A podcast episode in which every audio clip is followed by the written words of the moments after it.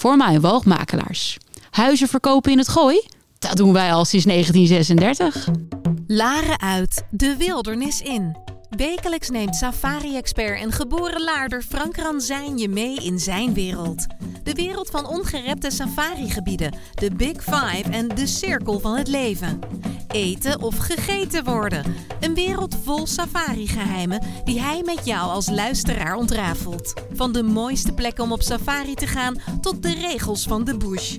Samen met prominente gasten uit de natuur- en conservationwereld neemt Frank je mee, Laren uit, de wildernis in.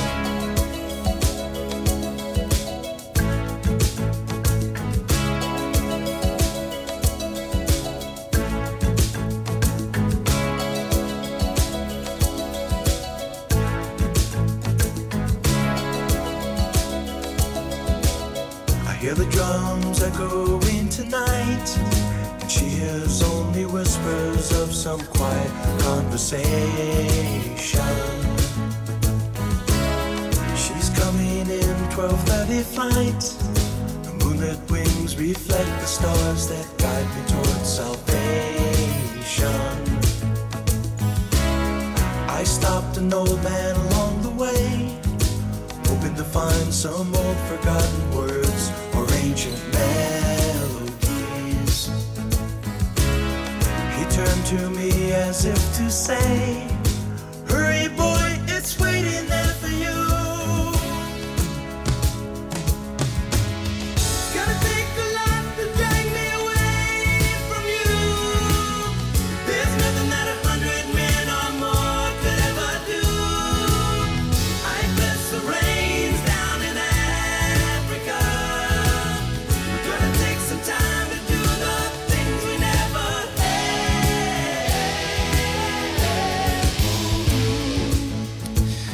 goedemiddag allemaal. Voor wie je vandaag weer live meeluistert naar het infotainmentprogramma Safari Geheimen.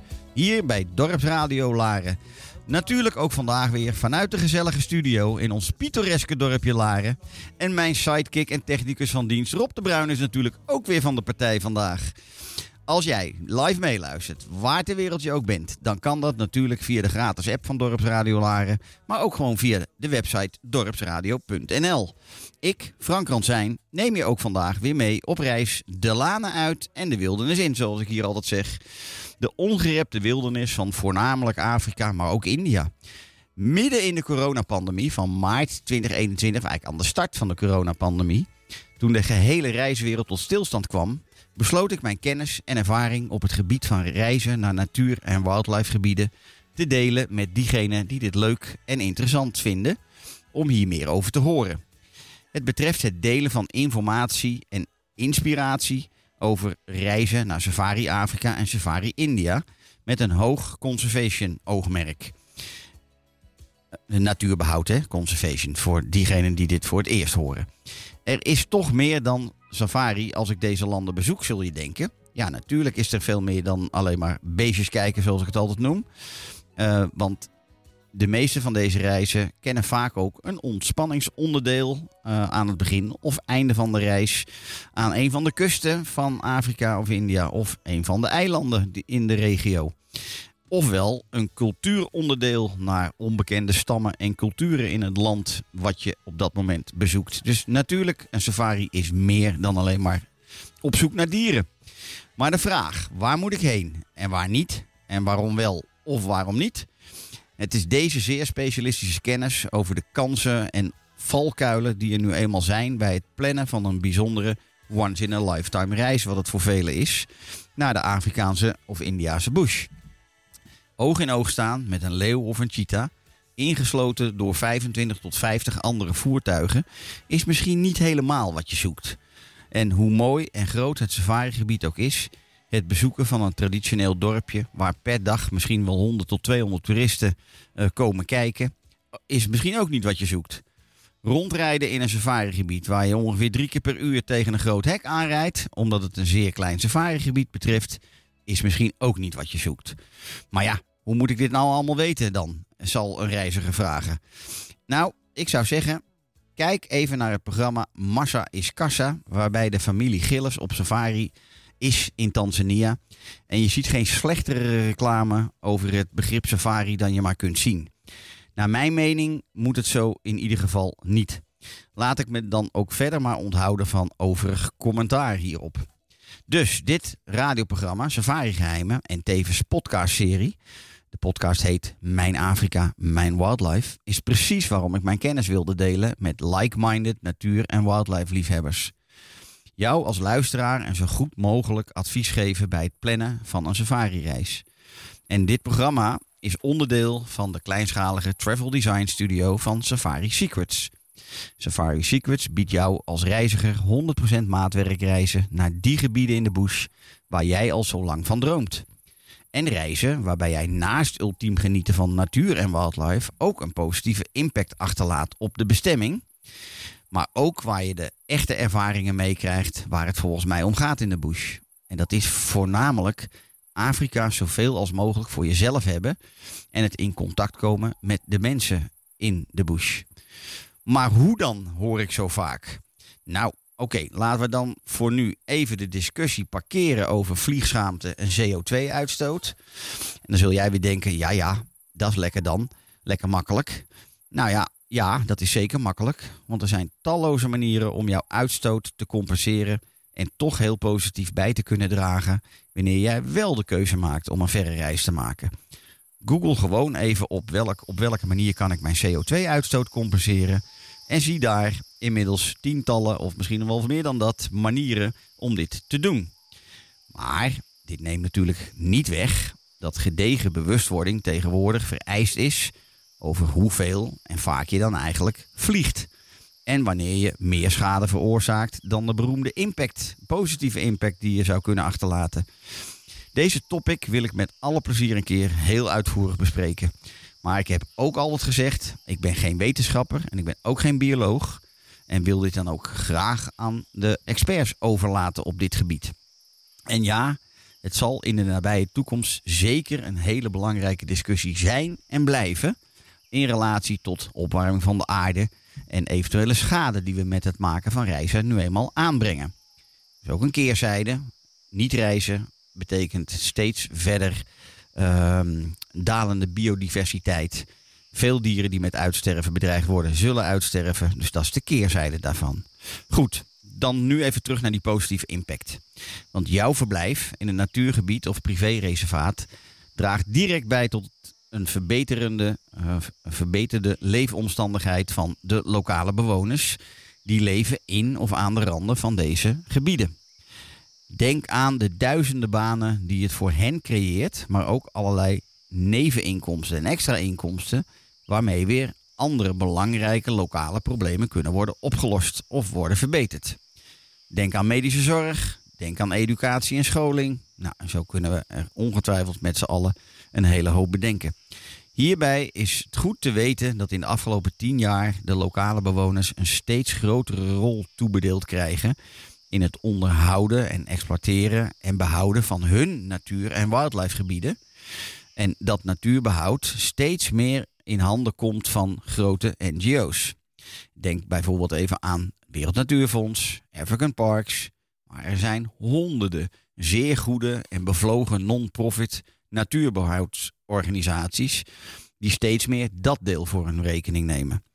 En het gezegde is dan tegenwoordig ook steeds meer people first, dan planet, dan profit.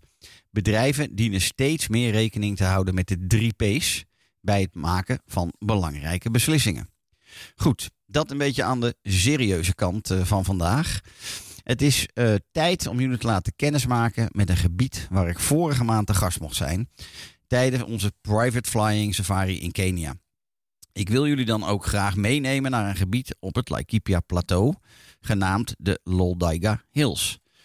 Dit gebied, gelegen aan de voetheuvels van Mount Kenya, ligt een zeer authentiek private-owned managed, dus een familiegerund safarikamp, genaamd de Safari Series. De eigenaren, Ed en zijn vrouw Moon, wonen hier samen met hun kleine peuter en zijn nagenoeg altijd ter plaatse om jou als gast te hosten in dit kleinschalige paradijs.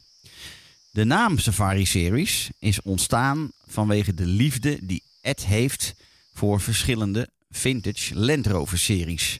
Die hij daar ook allemaal ter plaatse heeft staan en waar hij als hobby aan klust.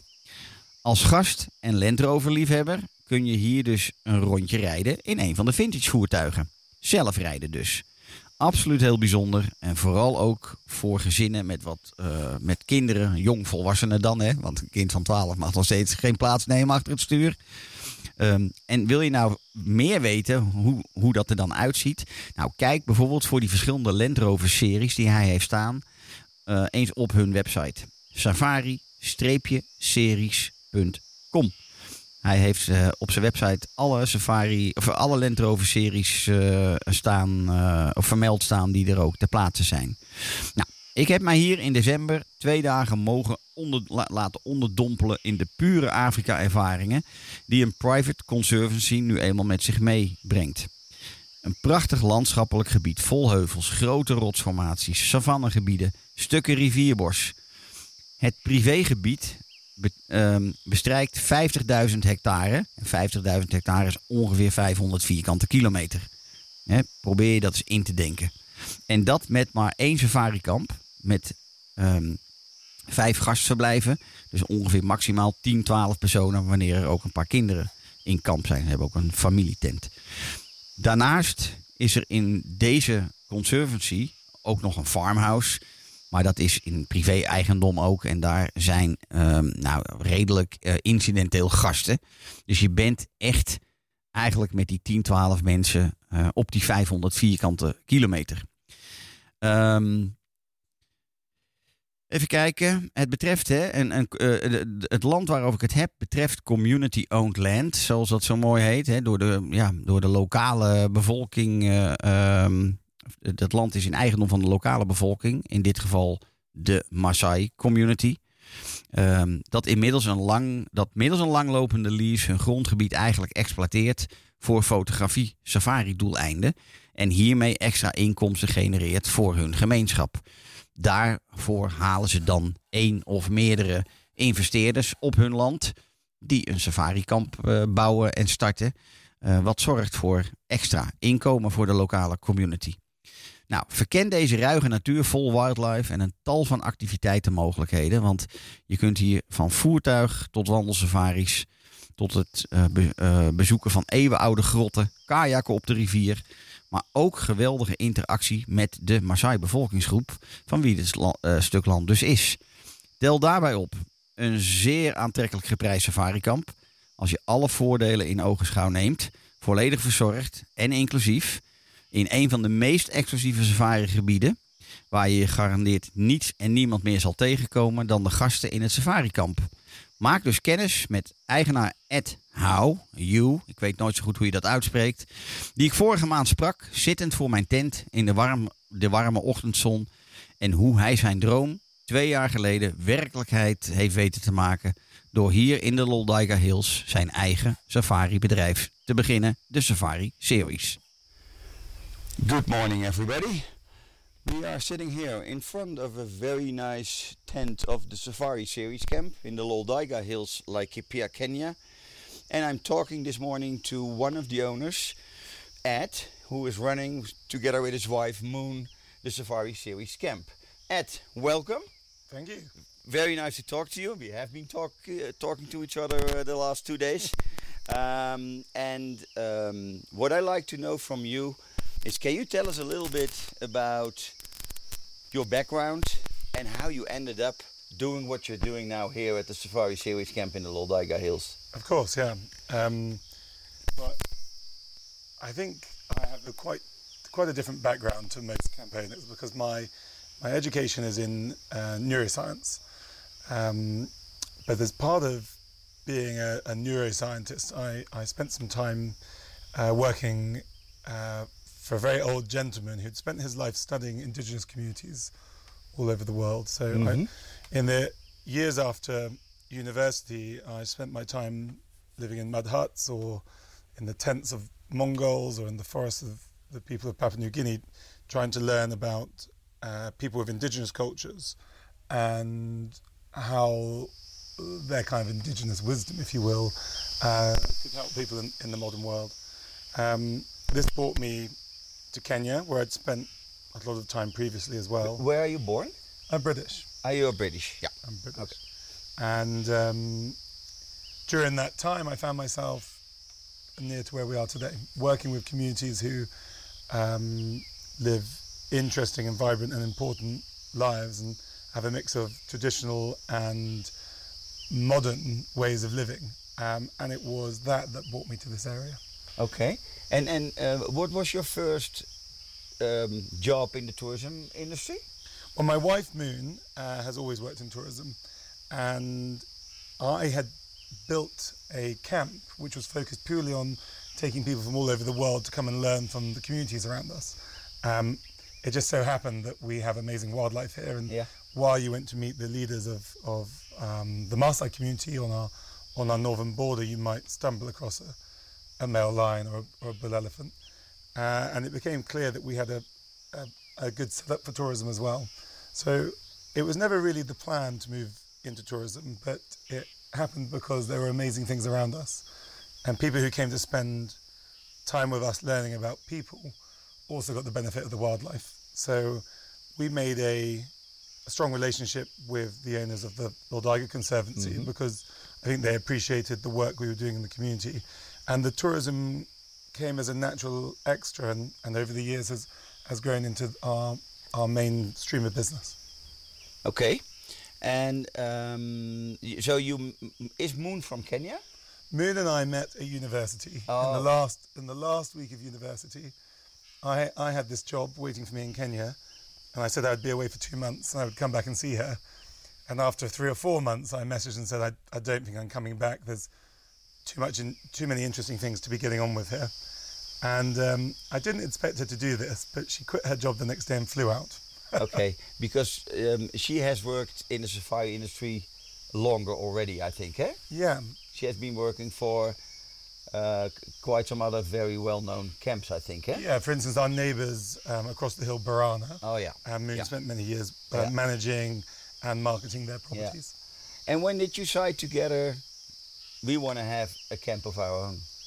Well, I've I've always had a passion for wilderness uh, and for nature, Mm-hmm. and having been up in this area with my previous work, uh, I was frustrated that the only offerings available were very high end, Yeah. um, quite exclusive, Mm-hmm. quite elite, Mm-hmm. um, and I really felt inspired by these landscapes and, and the communities that live around them and on them. Uh, and I really wanted to give access to a more varied group of people. Um, so through our old work, when there was an opportunity to take the camp, which we were using for people to come and get to know these communities, uh, to use it, a little bit for tourism, it was a natural thing to do. Um, it was a, a bit of a change. We sold up everything and decided to really give it a go. But I'm I'm so pleased we we have because we've hopefully got the, you, hopefully you'll agree we've got a beautiful camp here, and I feel like we're we're able to inspire the next generation of conservationists who come out here to, to want to get involved in in this landscape and, and in the conservation of, of it. And they don't necessarily need to come from the wealthiest families to achieve that. Okay. Can you also tell us a little bit how come that you called your camp the Safari Series Camp? Well, my wife and I were sitting down trying to think. Well, if we're going to do some tourism here, we need to have a, a snappy name. Mm-hmm. and the plan for us was to be quite nimble and light on our feet, and not just to pigeonhole ourselves to do one thing. We wanted to be able to to walk, to drive, to self-drive, to fly camp, um, to do things which are focused on community culture, uh, restoration. We wanted to do a lot of things. Mm-hmm. Um, at the same time, I have a passion for old cars. Yeah. Um, and since I've been in Kenya, that's been focused around vintage Land Rovers. And you may be aware that the older Land Rovers are called series Land Rovers. Yeah. And we thought that the the icon that's the, the Land Rover really was synonymous with what we were trying to achieve in our business. It was something that in the UK we'd always say it's it's a car that the Queen would drive, but also the builder would drive. It's something for every man, um, but it's also something that takes you everywhere, and it's synonymous with adventure, and it's something that anybody can do. Everyone knows that anybody with a book and a, a bit of effort can fix a Land Rover, and we wanted people to feel like that on their adventures. Um, so we thought that the name Safari Series would reflect the the adventurous icon that's the Land Rover, in which we take people out and uh, on their game drives in new smart Land Rovers, but there's also the opportunity to take a, an old vintage Land Rover for a sundowner. Um, but also that we would give people a real breadth of experience while they're here. Nice. I, I, I think, and, and we have talked about this uh, during dinner uh, last night, for instance. Um, it's one of the key features of this camp. And um, it's just a very nice feature on option. Um, of course, it's all about nature being here in a very exclusive location because we didn't mention that. But the place you are in, in the Loldaigas, I mean, you have Africa to yourself. That's how I always call it. Yeah. So the guests will have Africa to themselves. Um, and so, of course, the main reason to be out here, I think, and please correct me if I'm wrong, is not just your Land Rovers. That's a very neat feature what comes aside to it. I think you just wanted to show clients the beauty of this place and area, the options on offer here, um, the wildlife, being. I mean, I've been driving driving around now with your guides two days here, and we didn't we didn't see a single other vehicle. Where I, I would say, if someone asked me what the definition of luxury was, I would say it's time and space. And one of the great things about coming to a place like this is, is you get both of those in buckets. We've, we're lucky enough to have a huge landscape, and the chance of you seeing another tourist while you're here is, is next to none, really. Yep. Um, yeah, and I, and I totally agree that um, the Land Rover is is is a great partner on, on these on these adventures, but they um, they don't necessarily you don't necessarily have to be out in an old Land Rover. No, no, exactly. but I encourage our guests Yeah. to get behind the wheel uh, with a windscreen down on the bonnet, with a pair of sunglasses on, and a hamper full of food and uh, drink for your sundowner, and ride off at sunset because there's nothing more iconic and enjoyable than that sense, sense of freedom. Yeah, it's a very uh, great way how you uh, describe that. Um, can you also tell us? Um, you do you do the normal safari activities like everybody else is doing. Just that's why you're on safari, walking, driving, but you do a little bit more than that. I know you have some other great features on offer. Can you tell us a little bit about that? Yeah, we, we tried to make sure as part of the Safari series idea to have um, a real breadth of activities um, so that there's something to suit everyone. Um, for instance, one of the things we do uh, once we've had a lot of rain as we um, kayak on our on our lakes here, Yeah. um, which is a re- really great activity to be able to go out on a kayak and, and get really close to elephants and or giraffes as they're drinking water. Um, you mentioned walking. That probably is my favourite activity. Yeah, yeah. Um, going out with an armed ranger and your guides, and rather than looking upon the habitats and the environments around you, you're now part of it. It's about taking it slow and noticing the small things. Because too often we spend time flying around in a in a land cruiser in Masai Mara trying to get a, you know a, a leopard and a lion, but there's so much intricate uh, beauty and things of interest that are around, and you just need to spend a little bit of time to notice them. There's also nothing more thrilling than walking around the corner of a waterhole and on foot meeting you know, 10, 10 elephants and sitting there quietly and being part of the landscape with them, sharing that experience with them rather than looking upon it. So um, we also have uh, the community visit. I mentioned a bit about our yeah. my background has been working with these communities. So I'm really proud of our work with the community and the investments we do with them. And I'm really proud of bringing our guests there.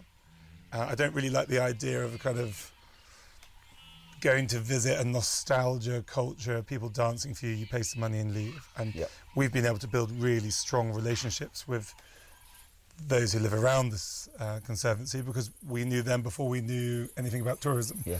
Um, so the relationships that people are able to build with the local communities here um, are really honest and really real. Um, and we don't shy away from talking about hot topics. Um, and I often think actually people are always going to remember the first time they hear the male lion roar from their tent and Yeah. they, we have to run off and go and see it. But it's often those human interactions which are the ones that last the longest. Yeah, and, and your wife Moon told uh, told me also that you guys do the cultural um, moments together, which which are on offer, are are different than most other safari camps do, which I think is a great way of um, getting in contact with those local communities around you, um, and beside just the traditional dancing, singing, uh, buying uh, souvenirs, etc. So um, I think that's a great uh, advantage of how you how you run that. Um, you do sleep outs, I think. Yeah, I am such a big fan of um, getting out, sleeping outside. Yeah. Um, you know, we call this uh, fly camping. Yeah. And basically, you, we have. I always talk about having different suites. The presidential suite is a tent Yeah. with a bed inside it. Yeah. But I, I do encourage our guests to sleep on a bedroll on the floor and a hammock in a tree, and Yeah. we cook on a fire. Um, you've mentioned already that we have a huge expanse of, of wilderness to ourselves. Uh-huh. Um, we're lucky that we've got a very comfortable camp where we're sitting now. But there's something great about packing your bags and sleeping outside in the wilderness. Um, it's it's the best way, I think, to kind of reconnect with your, your primal self. Maybe there's there's something amazing about sleeping on the floor next to a fire, yeah. waking up in the morning and immediately being out in in that kind of you know exceptional wilderness. It's it's a beautiful thing to do Yeah. and it's another uh, another activity that when guests do it, I think it, it's something they'll remember for the rest of their lives. Yeah, yeah, yeah. And you do that also with, with when a family with children are here. You can do the fly camping too with children. Yeah, one hundred percent. I think if anything, the children enjoy that more. I mean, that sense of adventure.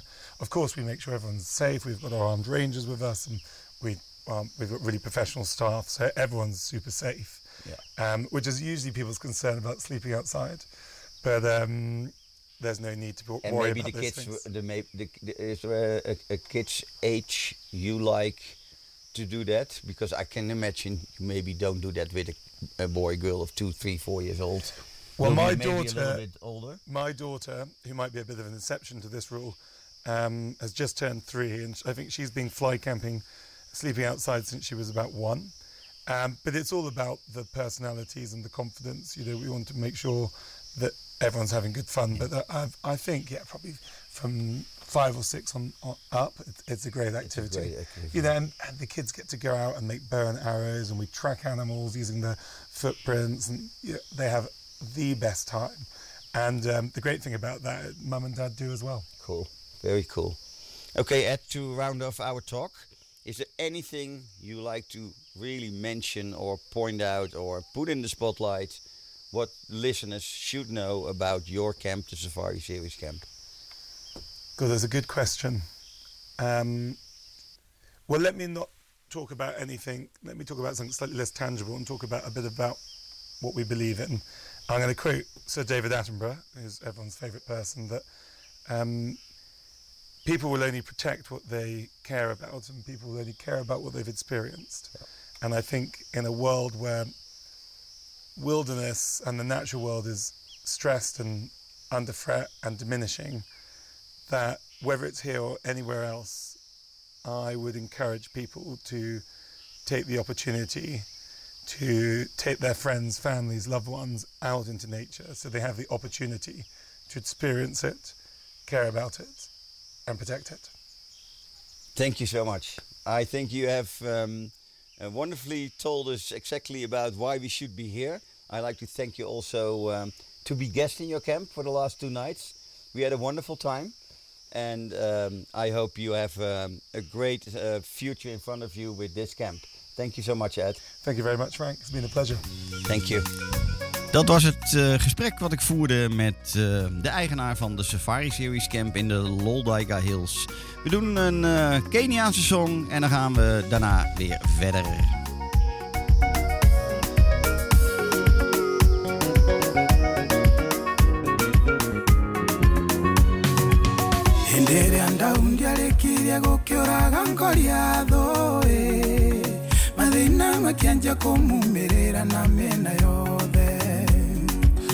Andũ arĩa ehokete othe magĩkĩmũtuĩkĩra thũĩ ona saũrwo mũikagĩria itimũ nĩguo mũnine maguta marĩ thĩna marĩkia gũitĩrĩrio mũndũ ĩ matũmire ndaunio othe na mũingĩ nĩ saũrũ ĩ na ithuĩ no matuonetie thĩna magatũgucĩrĩria thũ no undu njui niati ngai niamaruagirira daudi eciragia niagacira thamaki-ini wake.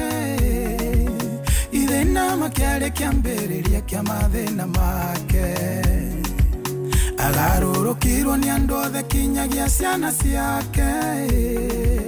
Murio wake akomire na atumia ke kwi muthenya maguta marithi na marikia guitiriria mundu eh. matumire daudi oniothi eh. na mwingi ni sauro na ithuĩ no matuonetie thĩna magatũgucĩrĩria thũ no ũndũ njũĩ nĩ atĩ ngai nĩamarũagĩrĩria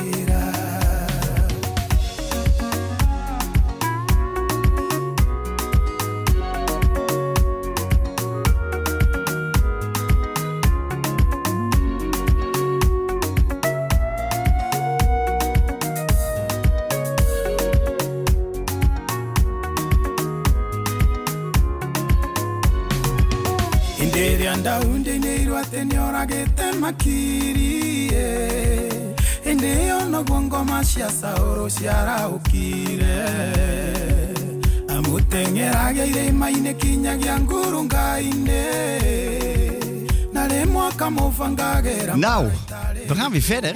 Dit was Maguta Maritina uit Kenia. Nou, ik wil jullie ook eens een keer meenemen. Hè, want we praten hier vaak met eigenaren van safari-bedrijven of safari-kampen. Ehm, maar het is misschien ook wel eens leuk om je mee te nemen naar de mensen die werken in zo'n safari-kamp. Als de Safari-series. Tijdens mijn verblijf voerde ik een gesprek met James, de hoofdgids van Safari Series. En zittend samen in een van die oude vintage Land Rovers vroeg ik hem waar de liefde en passie voor de natuur bij hem vandaan kwam en hoe hij gids is geworden in de Safari Series Camp. Luister hoe een jonge jongen totaal zijn leven heeft gewijd aan de natuur en het behoud hiervan.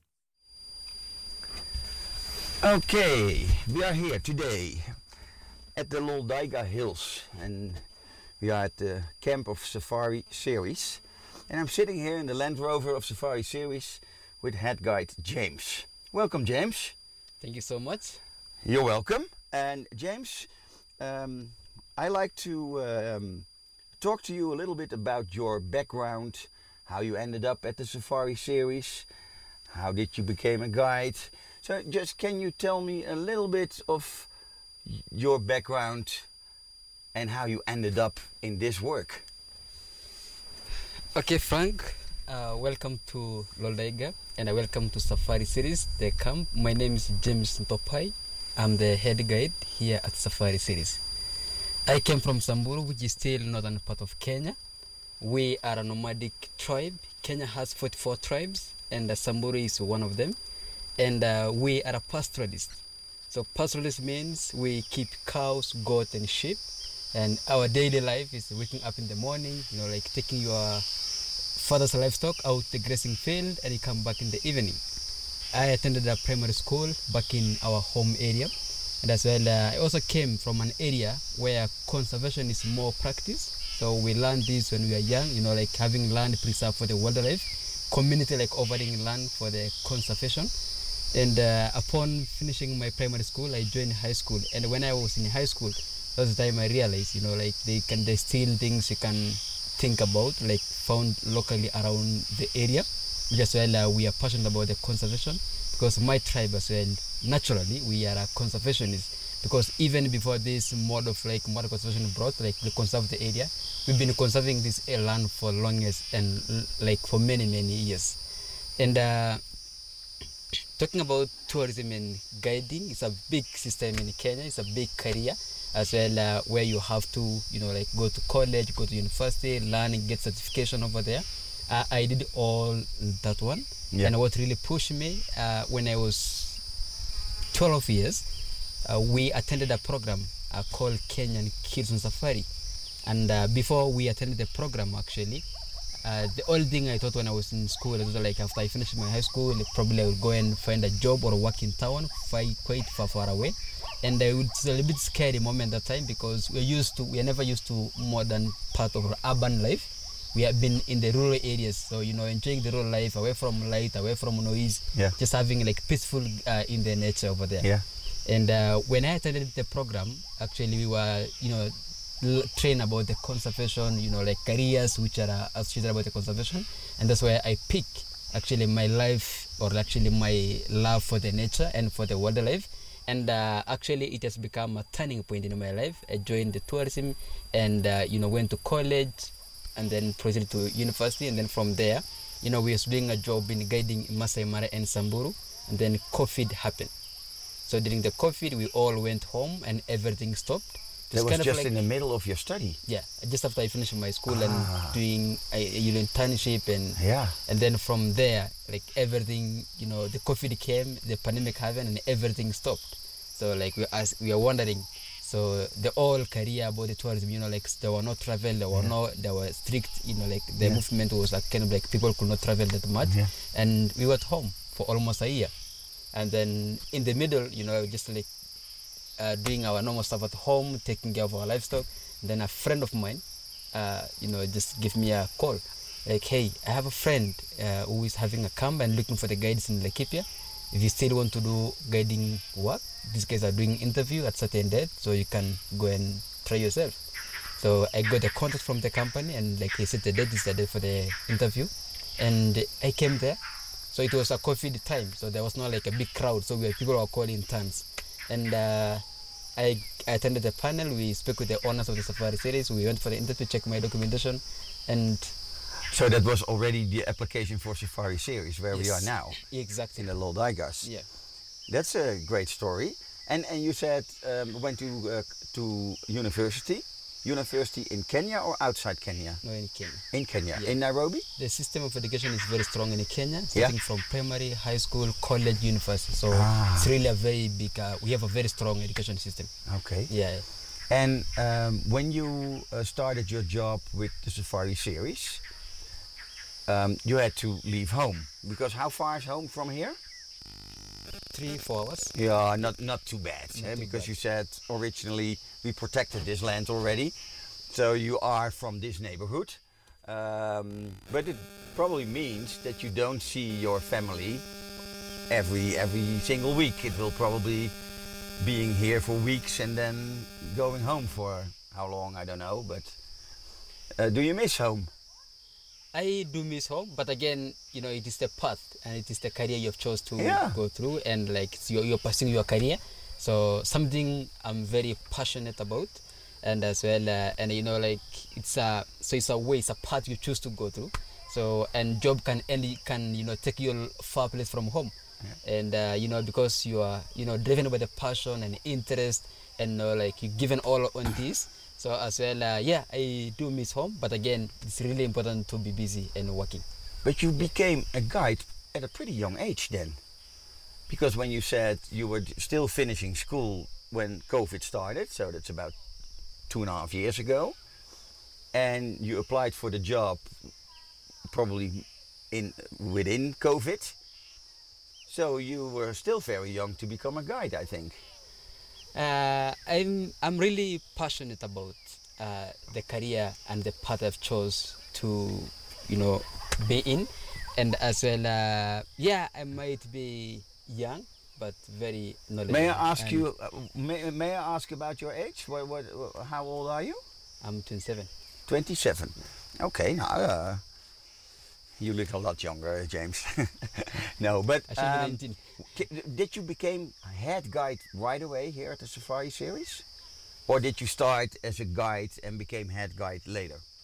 So when I joined Safari Series, you know, it was still under when the country was opening or when the Yeah. tourism sector was still struggling. And uh, but again, the Safari Series just started probably a few months before the COVID. Yeah. And then when the company was like really reorganizing and structuring, then Yeah. the, the pandemic happened. So they, you know, like they also closed it as well. And again, and also when they're opening, you know, like I got a chance because like the guides were needed, and I came for the interview. I, you know, gone to the interview and you know qualified, and I was taken over here. But again, uh, with time, you know, like with the growth and everything, then I become head guide. Okay. Yeah. And how many guides is Safari Series having? Three. Three. Yeah. Okay. So, can you tell us a little bit about what is your job as a head guide um, regarding to the other guides? Probably training, I think. You are training the other two. You're managing the other two. That is that's a good question. So my job as a head guide is making sure you know like the the, the guiding and uh, game drive department is on track, and on track means everything is in place. Yeah, you know when we have the bookings, we have to check you know the cars are working well, and you know like my guys are there. You know like we give them schedule as well. Yeah. And also we can plan. You know like when to go someone because people have to go off. You know like go off days and come Yeah, back as well. course. So that's actually all what I schedule and make sure the cars are ready, everything is ready for the safari, and as well, uh, and you know, just head of the department, making sure things are going, you know, The right in the- direction. the direction. Yeah. Okay. Guests that are coming, how many cars are needed, make sure the cars are ready, well fuel and well maintained and everything. Yeah. So just making Yeah. sure, you know, like giving the owner of the company like the report about Okay. the safari and everything. I've been a couple of hours uh, with you on the car now since uh, yesterday. I noticed you are a very um, passionate birder also. I was amazed how quickly you can see the smallest bird and say exactly it's this bird or it's male, female. So, was it difficult to get that knowledge into your system? Um, Especially all the bird knowledge. Your bird knowledge is phenomenal. and uh, okay it as i told you earlier it is actually something you know like i wasn't told to do it is something you know like uh, it's a self uh, motivated self driven and again when you're having when you're passionate and you really uh, you know you have interest in something then you definitely give it all. You know it's it, was, it wasn't easy. You know you have to you have to put, time yeah. put energy you know like put resources and learn about this. What you don't know you uh, you inquire and you get on it and you pick it from there actually. So again birding for example. In Loldaiga here we have 421 species and I can confidently tell you like none of those and I can't identify whether male or a female but again this is all more you know like pushing yourself and you know getting to know it as well Okay, yeah, yeah. good- So very all nice to hear. passion interest and like you know something you really Yeah. it, yeah Okay, if you uh, should tell the listeners about why should um, people come here to the Loldaiga, to the Loldaiga Hills? Why? Tell us. That's a very good question Yeah, of course it's a good question. I believe, and actually, I still stand with the thing. This is the best place you the people should come, and one of the reason, it is one of the area, and you can probably witness actually. And since you know when I pick when we pick you from the airstrip up to here, you have seen no other car. So you have all 50. Loldaiga Conservancy is a 50,000 acres area of land. In terms of square kilometer, it's a 200 square kilometer. We are at the moment with the only, the only Camp Beach Safari series. We only have one other property, but again, it's only the Camp Beach now the Safari series. So you have, and we are also uh, actually affordable. So it's something like we can easily because the theme of Safari series we are known for doing safaris using the vintage Land Rovers Yeah. which is the car can enable you to go anywhere, yeah. including going off road as well. You know, like going to and again as well uh, also access to the nature, because we believe for the people to continue and conserving, actually you, you need to participate and see, and when you see, you appreciate. And then you get an energy, and you get actual time, you know, to participate and actually make sure the the the wildlife we can speak for them.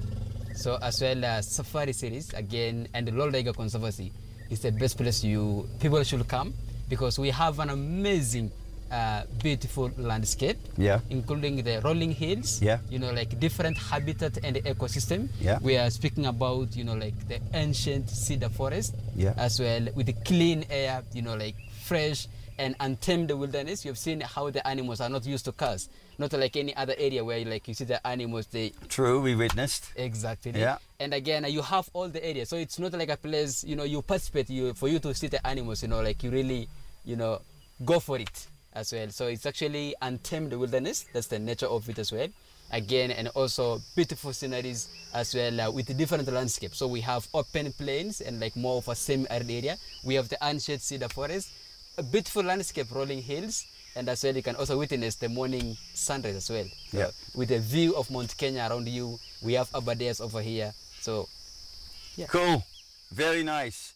Is there anything um, you want to point out about Safari Series or about Loldaiga Hills, which we didn't mention yet, but what you think is very important to know for people about this place? it is very important that uh, we really about the conservation. Yeah. So Safari series is actually you know a lot of even guests coming over here. You know, a lot of proceeds actually Safari series is giving 100% back to the community and back to the conservation.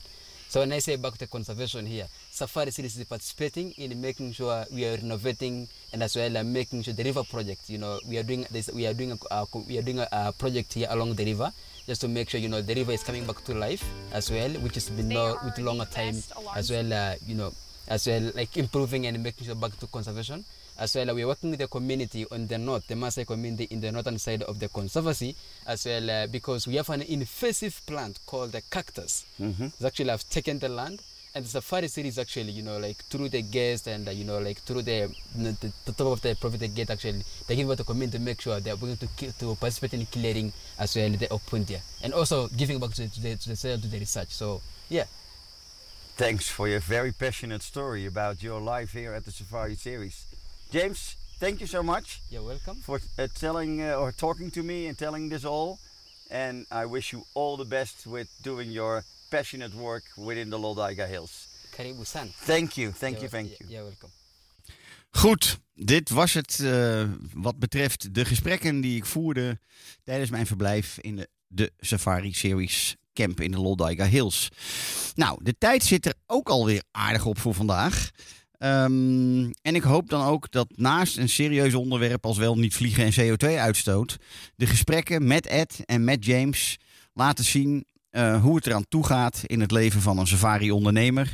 Eh, en wat er allemaal bij komt kijken eh, bij het behoud en voortbestaan van een privé gerund safari-verblijf. Ehm, dus ja, ik hoop dat het mensen een beetje idee geeft van eh, alleen maar, hè, normaal kennen we alleen maar de foto's van de bedden. En de bedden bedoel ik altijd eh, de, de accommodaties waar je verblijft. En de foto's of filmpjes van prachtige dieren. Maar er komt wat meer bij kijken. Ehm, nou ja, en op deze manier hoop ik echt eh, dat de luisteraar daar iets meer van meekrijgt. Safari Geheimen, het programma Safari Geheimen, is uiteindelijk een documentreeks die altijd terug te luisteren valt via de streamingsdiensten Spotify, Google, Apple podcast, maar ook terug te vinden is op de website van safarisecrets.nl. Op deze manier kun je altijd de echte safari-geheimen van de Afrikaanse bush of de Indiase jungle terugvinden. En heel belangrijk, voor een groot deel hoor je deze informatie en inspiratie dus uit de monden van wat ik altijd maar mijn bush heroes noem. Zoals de mensen die we net eh, aan het woord hebben gelaten. Ik interview deze safari mensen of legendes of heroes of pioniers tijdens onze uitzendingen hier bij Dorpsradio Laren. Eh, of krijg hen zelfs soms op bezoek als, ehm, als ze in de buurt zijn. Ehm, of we leggen een eh, connectie middels een eh, Zoom-verbinding. Ehm, en sinds kort dan ook via de live opnames die ik gemaakt heb tijdens mijn reis in, in Afrika, in dit geval in Kenia. Het zijn namelijk die safari-experts die vaak al hun hele leven lang doorbrengen in deze bijzondere natuurgebieden. En met heel veel passie en vol idealen proberen zij deze gebieden zo goed en lang mogelijk te behouden voor toekomstige generaties, voor onze kinderen en onze kleinkinderen. En ik deel mijn kennis op dit onderwerp met de luisteraar die net als ik ook graag natuur- en wildlife reizen maakt. Na 30 jaar reizen in Afrika en India op het gebied van nature conservation travel weet ik hoe belangrijk het is voor reizigers om dit soort reizen goed te plannen en voor te bereiden. Wanneer jij nu op het punt staat een best wel kostbare reis te gaan maken, is het naar mijn mening ook o zo belangrijk bewuste keuzes te maken. Waar wel en niet heen te reizen en waarom. En je heel goed te laten informeren en of inspireren. Tot zover de uitzending van vandaag. Volgende week is te gast bij ons Mark Butcher, eigenaar. Hè, het klinkt, klinkt meteen heel gevaarlijk. Mark de Slager, maar dan uit Zimbabwe. En eh, hij is niet de gast in de studio, dus we zullen met hem eh, via een eh, online verbinding samen in gesprek gaan over Imvelo lodges en camps in het Wengi National Park van Zimbabwe. Maak je dan ook vast op voor veel ehm, mooie verhalen over close encounters met olifanten. Want daar heb ik het al vaker over gehad. Dat is Wengi. En ehm, het vele werk wat Mark heeft verricht de afgelopen jaren om de zuidelijke witte neushoorn weer ehm, in Wengi National Park terug te krijgen. Dus ik zeg, wees er allemaal weer bij. Zelfde tijd, volgende week, woensdagmiddag, Safari Geheimen, Dorpsradio Laren. Een hele fijne avond gewenst en tot volgende week.